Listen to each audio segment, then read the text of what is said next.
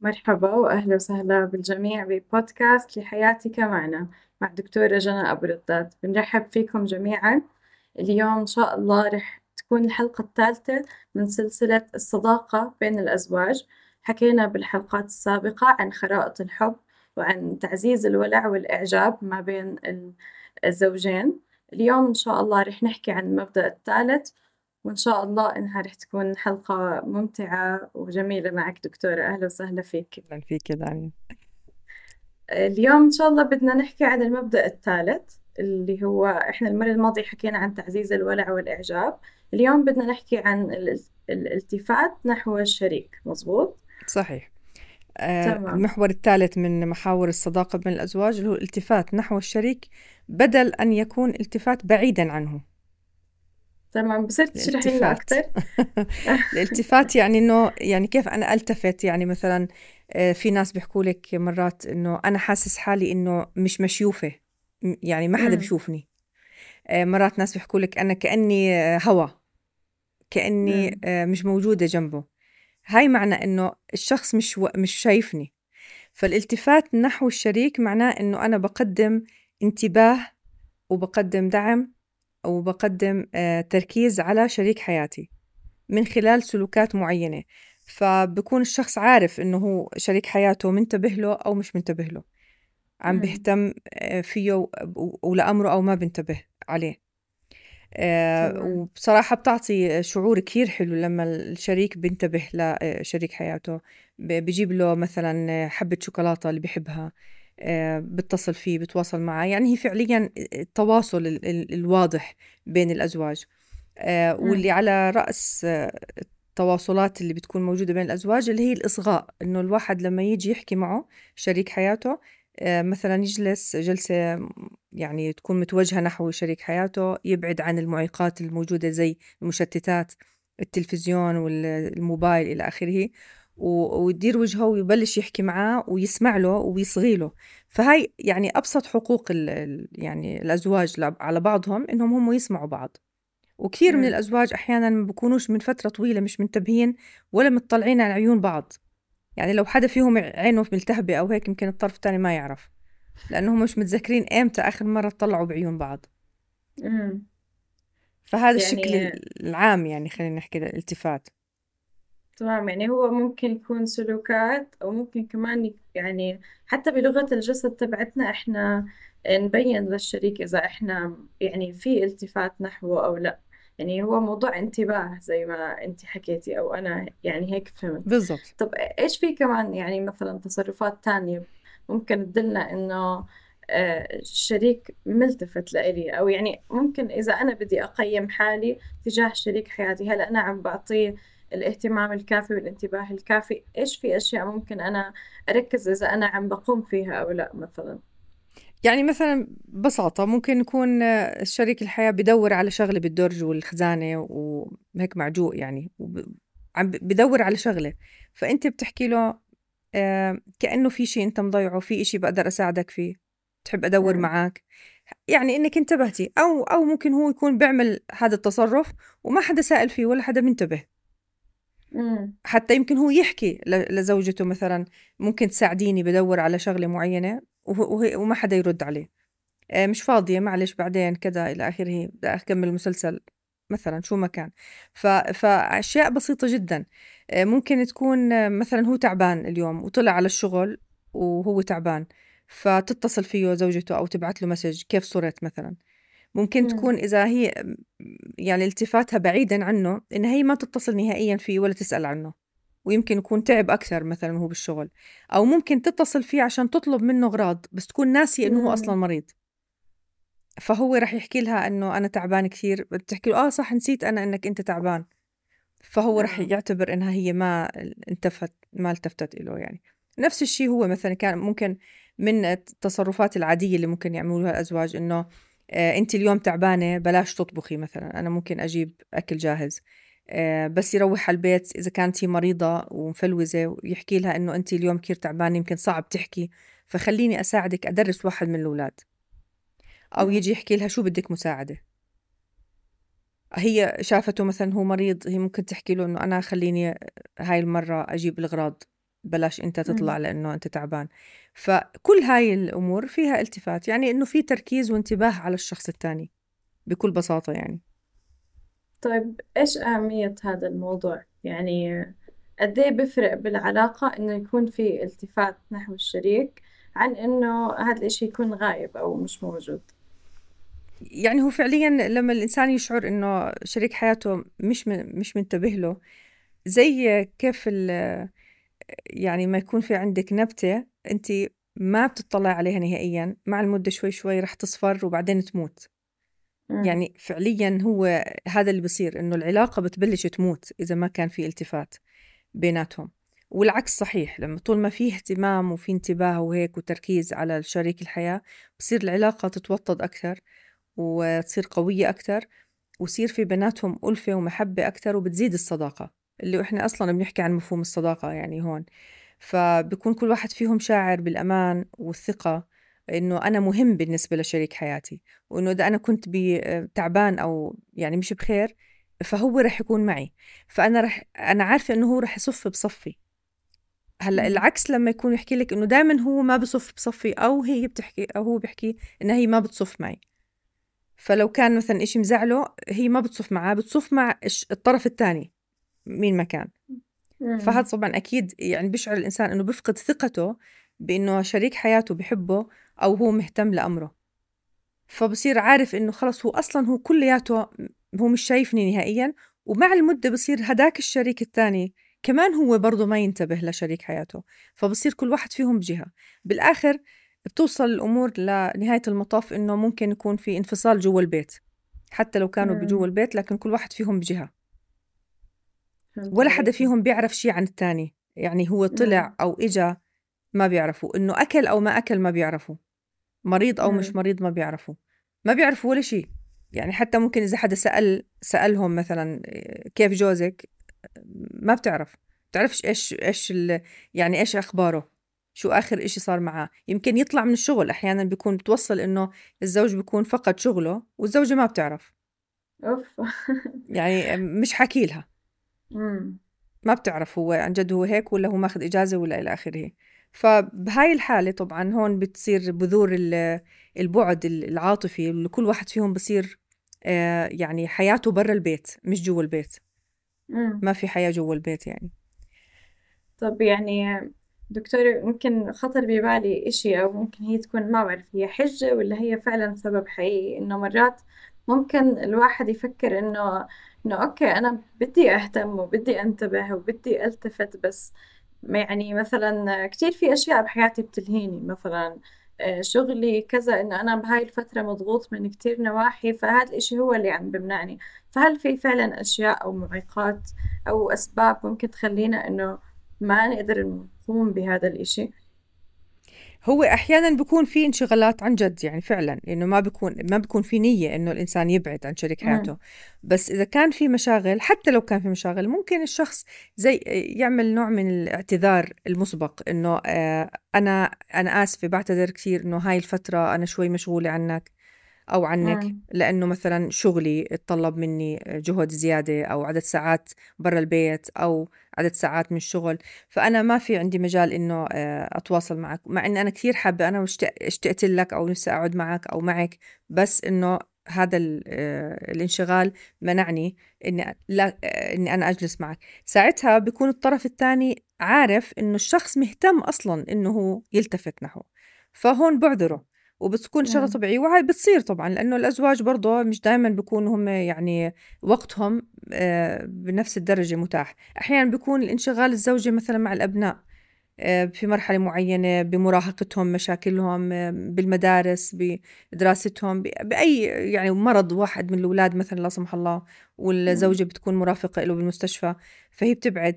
فالمهم إنه الفكرة إنه يكون في آه، تقارب بيناتهم وهو كمان بساعدها بحكي لها إنه ممكن أنام بدالك اليوم ممكن هي تحكي له. لا إنه معلش أنت عندك شغل أنت روح وأنا بنام هون بس هو بكون مقدر إنه بعدها لإنه هي مثلا آه، في عندها مسؤوليات تانية.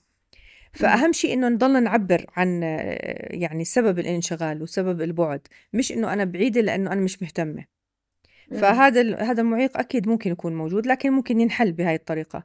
ممكن يكون المعيق الثاني اللي هو دائما معيقات بالعطاء بين العطاءات بين الأزواج اللي هي الغضب المكبوت نتيجة للملفات المفتوحة اللي ما تعالجت إنه في كثير مشاكل بيناتهم وما بتتعالج فبتضلها موجودة فكل واحد فيهم بصير بجهة. لدرجة إنهم بيوصلوا لجمله أنا بتألم فيها لما بسمعها بصراحة الجملة إنه أنا بطل في إلي حاجة من شريك حياتي. يعني ما بدي منه إشي. وهو بيحكي أنا ما بدي منها إشي مثلا. فهذا الإشي بيكون مؤلم. يعني شوف لأي درجة هم بعاد صاروا. آه فوجود الغضب المتراكم الملفات المفتوحة هاي وما بتتعالج بيكون طبعا أكيد له يعني دور قوي. والمعيق الثالث مثلا اللي هو إنه يكون في مشتتات بالحياة إحنا شاغلين حالنا فيها. وبتخلينا ما ننتبه على على بعضنا. ومنها مثلا التليفون وال social media والاستغراق الوقت الطويل بانه مثلا إحنا نستغرق بان نتابع ال social media وهيك وهذا الشيء باخذ منا وقت طويل وهذا الوقت كان ممكن إنه إحنا نقضيه مع بعضنا وننتبه صح. فيه على بعض أكثر بيأثر على تواصلنا مع بعض. أكيد. يعني آه. يعني حسب ما فهمت منك إنه يعني هو التواصل بحل إنه حتى لو كان في معيقات إذا أنا عم بتواصل بشكل فعال وصحيح وعم بحكي لشريك حياتي ليش أنا بهاي الفترة ما عم بيكون في عندي مثلا انتباه كافي أو ما عم بعطي وقت آه، نوعيته جيدة بشكل كافي؟ لأنه أنا عندي هاي الظروف بس أنا مش هيك طول الوقت. فأنا وصلت له هاي الفكرة من قبل ما تصير. وهذا بحد ذاته التفات. امم يعني أنا لما بعتذر له إنه أنا أنا ملتفت إنه بهمني إنه أنا أكون معك بس أنا مش قادرة إلا لسبب ما. فأكيد هذا الإشي يعني بحد ذاته. يعني أنا مهتمة إني أعتذر له كمان يعني هذا بحد ذاته. حتى الاعتذار عن الخطأ على فكرة التفات. امم الاعتذار بدل ما أبرر يعني لا أحكي أنا والله صح مزبوط كلامك إنه أنا أسأت بهذا الموضوع أنا حكيت هاي الكلمة ما كان المفروض أعمل هيك. آه، أنا بقدر مشاعرك. آه، يمكن التصرف اللي عملته زعلك. أنا متأسفة إنه أنت هيك حسيت. كل هاي الأمور هي تعتبر التفات لأنه التعاطف مع الشريك آه، كثير بي يعني بخلينا إحنا نكون مهتمين بمشاعره ومنتبهين له أكثر حلو. كنت عم بفكر بموضوع الحلقة الماضية يعني بحس برضو الالتفات نحو الشريك بيعزز أو بيولد أصلا إعجاب وولع فيه يعني أكيد صح؟ طبعا هم كثير مرتبطين ببعض. يعني أصلا مم. لما تبلشي يعني أي محور من محاور الصداقة بتشوفي إنهم كلهم مرتبطين ببعض. مم. يعني أكيد مثلا تعزيز خرائط الحب رح يزيد التقدير وتع... وزيادة التقدير تحتاج التفات أصلا. أنا كيف بدي أقدر شريك حياتي إذا ما كنت ملتفتة نحوه يعني هو مجرد إني أعطيته تقدير معناته أنا ملتفتة نحوه مثلا. فهم مرتبطين ببعض يعني. تمام. طب في إشي يعني ممكن نحكيه هلأ يكون عملي للأزواج؟ إنه مثلا أمثلة عملية أو إذا أنا بدي أبلش أفكر بالموضوع إنه ألتفت نحو شريكي أكتر من وين أبلش؟ أو شو أعمل بالضبط؟ هلأ في اللفتات الصغيرة اللي هي يومية اللي كل الأزواج أكيد بينتبهوا لها وبيعرفوها يعني. مثلا. إنهم كيف يودعوا بعض آه، لما واحد فيهم يطلع من من البيت الصبح ولما يجي ينتبهوا لبعض إنهم يسلموا على بعض يعني يستقبلوا مع بعض وودعوا بعض. المهارات اليومية آه، لما يحكي شريك الحياة ننتبه له ونصغي له ويكون عندنا مهارات حوار فعالة. آه، نسمع له كويس ننتبه على المشاعر الموجودة اللي بيحكي فيها آه، نتعاطف مع مشاعره نحسسه إنه إحنا حاسين فيه إنه إحنا بصفه. كل هاي اللفتات الصغيرة اللي ممكن تصير اللي ممكن مثلا هو يجيب لها وهو جاي شغلة معينة آه، هي بتحبها آه، هي مثلا ممكن تطبخ له طبخة هو بحبها ممكن تجيب له فنجان القهوة تشرب معاه يعني هاي الأمور الطبيعية اللي بيعملوها الأزواج وبنتبهوا لها وبيعرفوها فكلها بنسميها اللفتات الصغيرة. هلأ اللفتات الصغيرة دائما تبقى جوتمان بيحكي اللفتات الصغيرة تبقى بتضلها عالقة في دماغنا حتى لو كانت صغيرة. في شغلات صغيرة بس كثير بتأثر فينا. فإحنا ما نستهين بأي لفتة ممكن إن نوجهها لشريك حياتنا. بس أنا اليوم بدي أحكي كمان عن آه، يعني هو أحد التمارين اللي جوتمان بيحكي عنه بكتاب المبادئ السبعة اللي هو معادلة واحد إلى خمسة. آه، هاي مهمة جدا وقاعدة أساسية بالنسبة للفتات آه، اللي هي واحد إلى خمسة يعني إذا أنا أخطأت خطأ واحد مع شريك حياتي بالمقابل بدي أعمل خمس سلوكات فعالة وإيجابية عشان آه، أغطي هذا الخطأ. لأنه هاي العملية اللي أنا بصير فيها زي سحب وإيداع للرصيد العاطفي اللي اللي بيناتنا.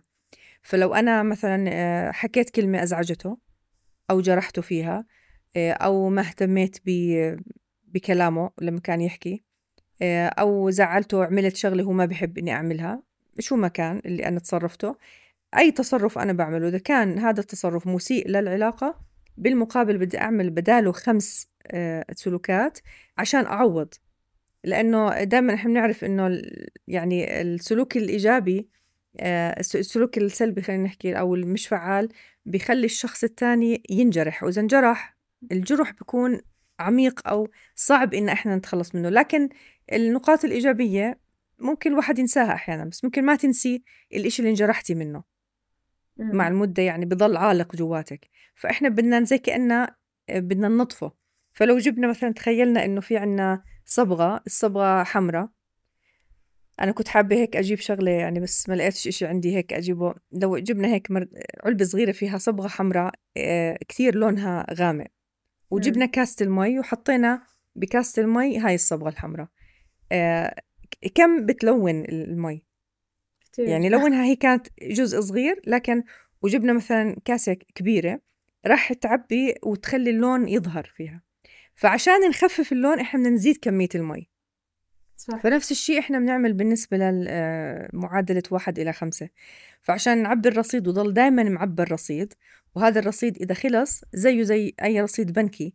بالبنوك عادة بيحكوا لك إنه تعالوا غذوا رصيدكم لأنه الرصيد بده يخلص مثلا.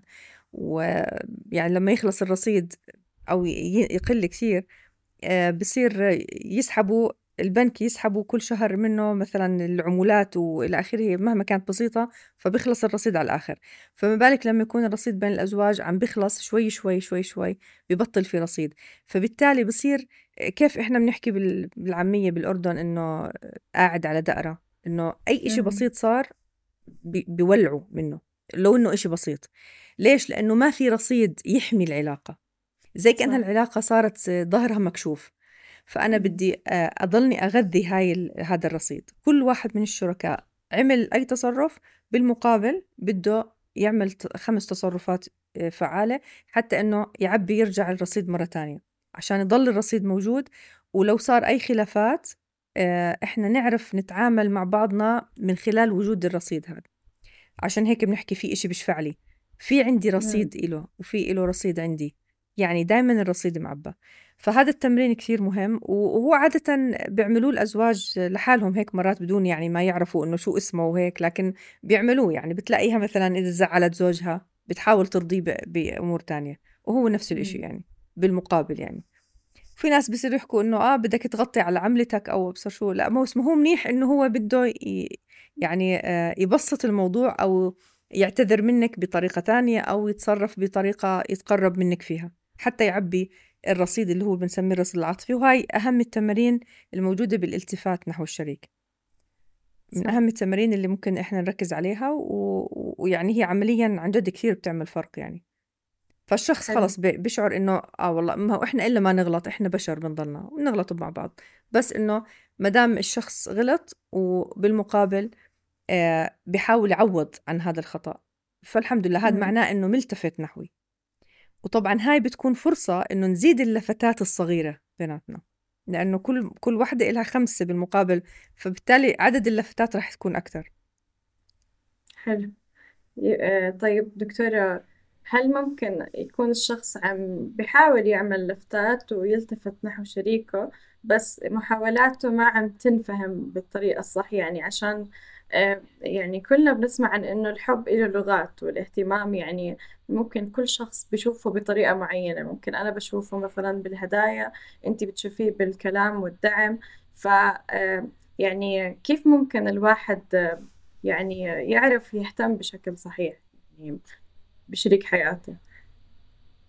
آه صحيح. هو سؤال كثير مهم. يعني ممكن إنه مع التجربة هي يعني خلينا نحكي إذا بدنا نسميها مثلا مظلة الحاجات إنه كل واحد فينا له حاجات. ممكن يكون أنت بتحاولي بتعطيني حاجات معينة بتفكري إنه هاي الحاجات مهمة بالنسبة لي بس أنا مثلا ما بتهمني هاي الحاجات فأنت مركزة عليها بس أنا مم. بيهمني حاجات أخرى. فلو لو انت شفتي كيف ردة فعلي مثلا لما انت على سبيل المثال أعطيتيني تقدير وشفتيني أنا ما اهتميت كثير فيمكن تكون حاجة التقدير عندي مش كثير عالية زي حاجات أخرى مم. فببين من ردة فعلي أحيانا الإنسان هو نفسه بيطلب الحاجة بدون ما يوعى بيطلبها بإنه هو آه، يقدم آه، مثلا نقد لو حدا. بيحكي لك إنه أنا مريضة من الصبح ما حدا سأل عني شو معناها. الحاجة اللي أنا بدي إياها صح؟ الاهت... إنه السؤال اهتمام. عنه آه آه. الاهتمام بالضبط. آه. ف... فانت بتعرفي هون إنه أنا بهمني إنك تهتمي فيي فاحيانا بيكون في نوع من الذكاء عند الناس بيصير مع الممارسة ومع الاختلاط مع بعض وال... والناس بتعاملوا مع بعض. فلما الأزواج بي- بيعيشوا مع بعض بصير كل واحد فيهم عارف شو الحاجات المهمة بالنسبة لشريك حياته. مم. فبصير عارف إنه هو بهمه مثلا الهدايا أو بهمه الكلام الحلو أو بهمه إني أقدم له دعم أساعده بالبيت. أشيل مم. عنه كتف يعني زي ما بيحكوا أخفف عنه. ف... فأنا بصير مع المدة عارفة لأنه مدام دائما أنا بسأل الناس إيش الجمل اللي بيحكيها الشخص آه يعني زي بيعترض عليها. شو اللي بيحكي لكم إياه؟ مثلا ما حدا بيفهمني ما حدا حاسس فيي. بتهتموش ما حدا بيهتم فيي. بتسألوا عن أخوي بتسألوش عني. شو معناه إنه هو بده اهتمام بده مودة بصير أنا أب... شوي شوي أفهم إيش بده هذا الشخص. والش... والشغلة الثانية إنه أنا لو لما بقدم أي سلوك بشوف ردة فعل الشخص الثاني إذا إذا هو مثلا انبسط أو خف التوتر عنده معناها إنه بلش يتأثر باللي أنا قدمت له إياه. معناها هاي. اللغة بالتواصل مناسبة بالنسبة له. فبصير أركز عليها أكثر.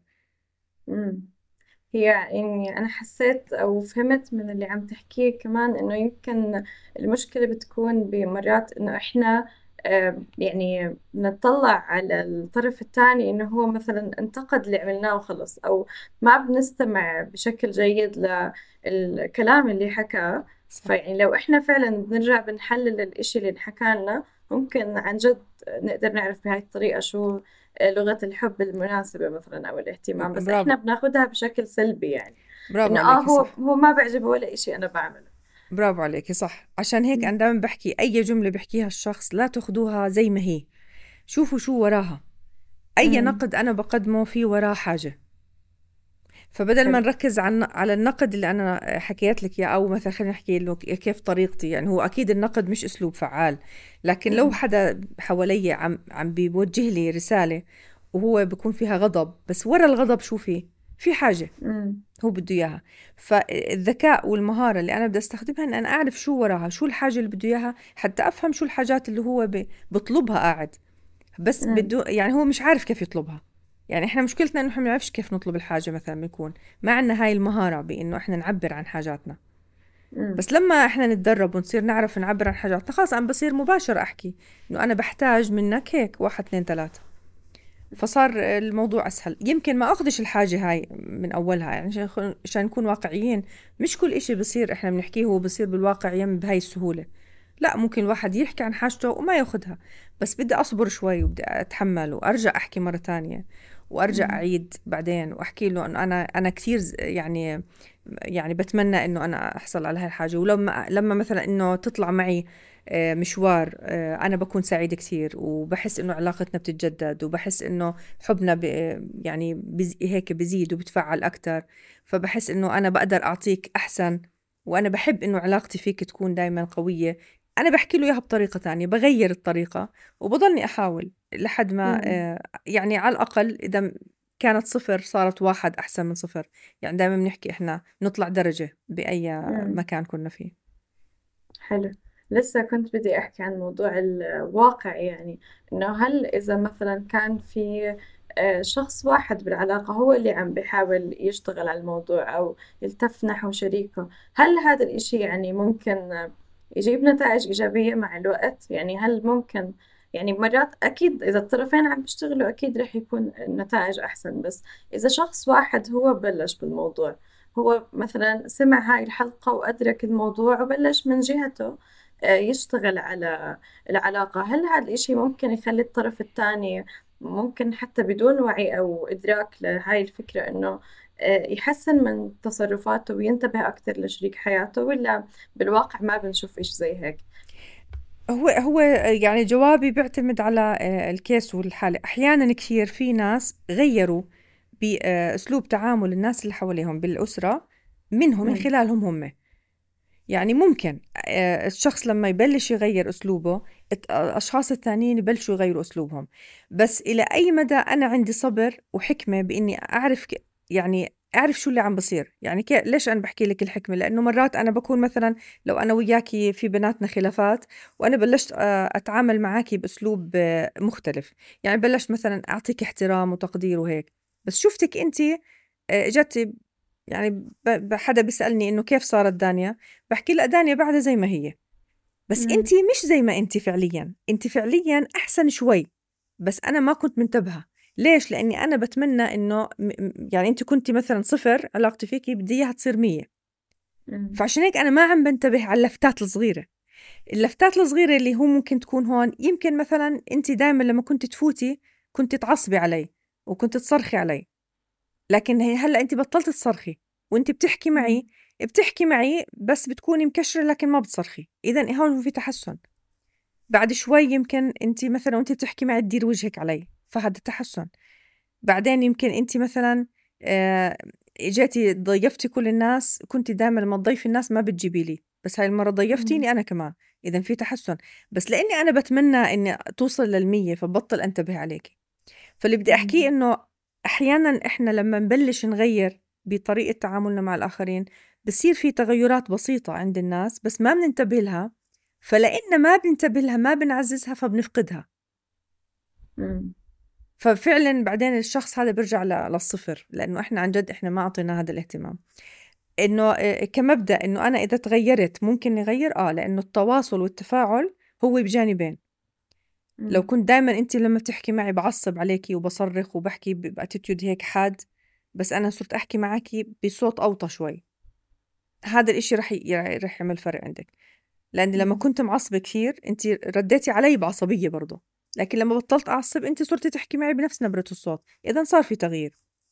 لكن أحيانا اللي بصير إنه آه، ما بننتبه إحنا على التغيير هاي الناحية. لكن ولو لو لو ما كانش في مثلا لفتات لا زالت الزوج الزوجة حاولت إنها تعدل بتصرفاتها وبلشت تنتبه لشريك حياتها لكن ما بتشوفوا إنه بنتبه بيكون في شيء عالق هون. ممكن هي تسأله مثلا بطريقتها أو أو تحكي له إنه أنا حسيتك اليوم زعلان في شيء مضايقك؟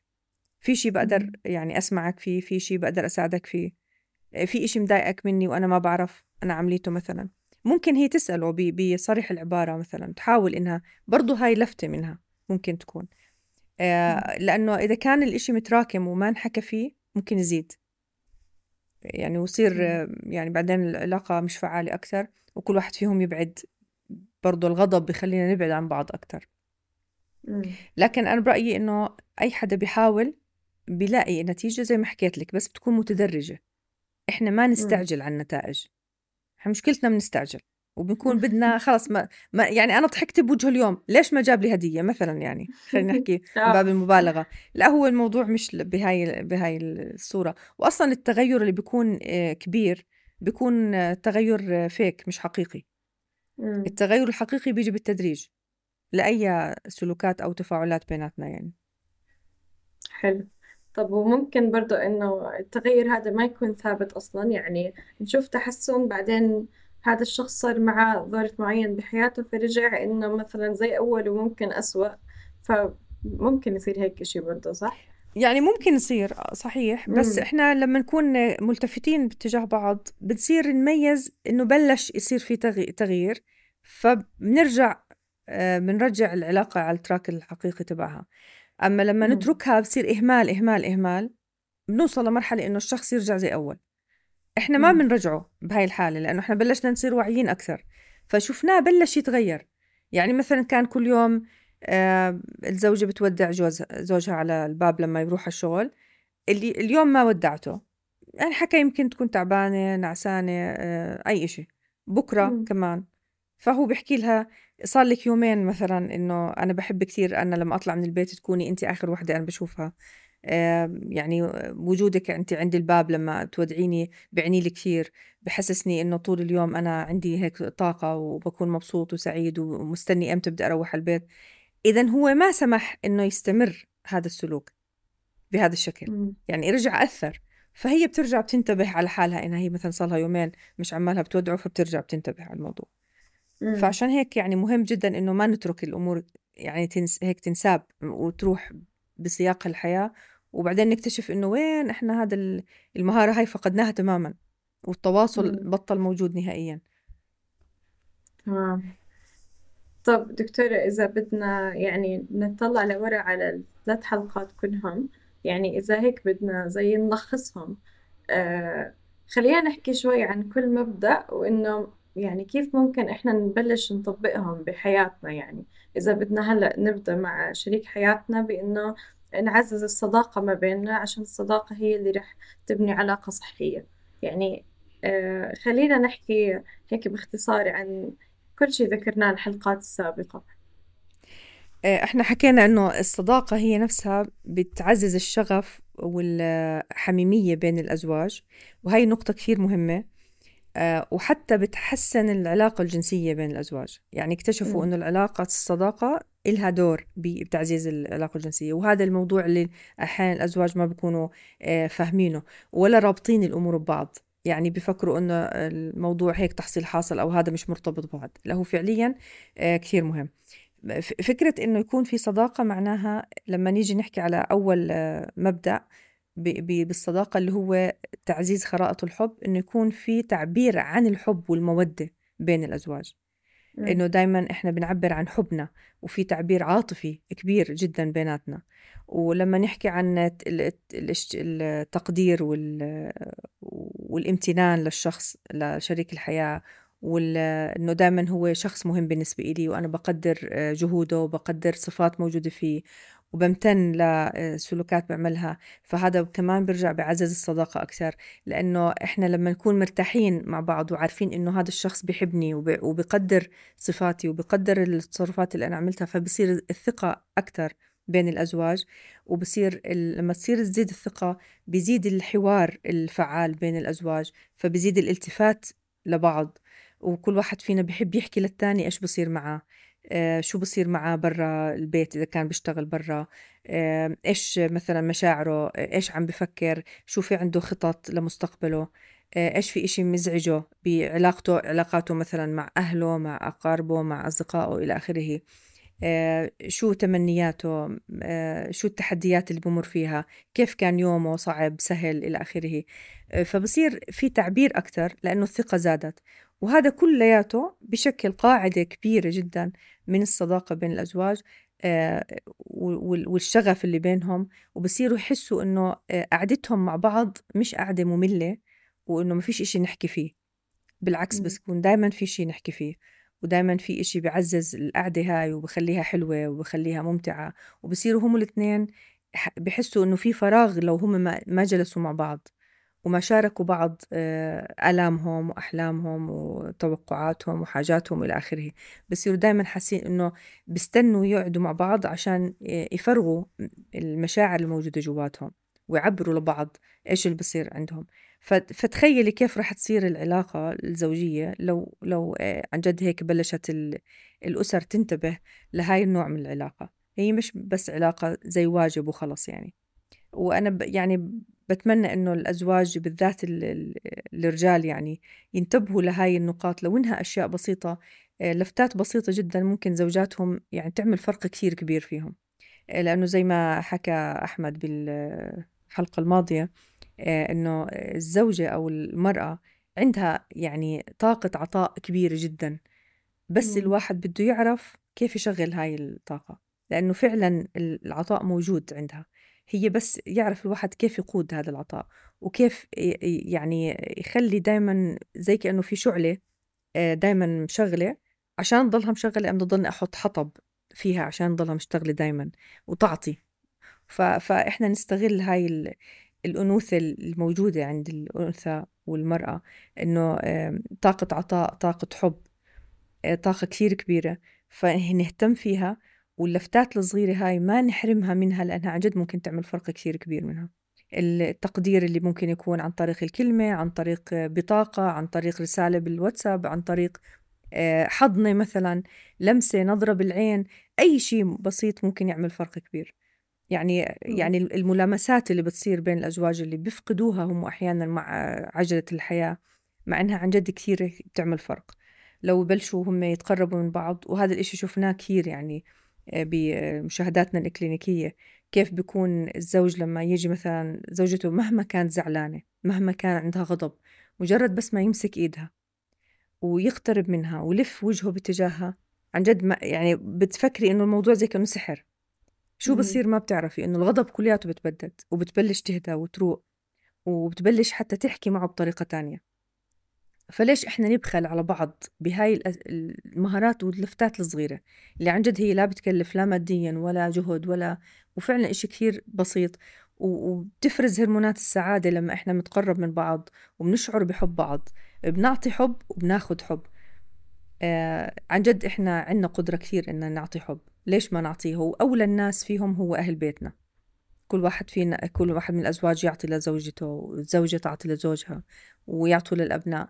وهذا هو الجو الصحي اللي إحنا بنتمنى يعيشوا أبنائنا أبناء يعني العالم كله بأسر سليمة وسوية.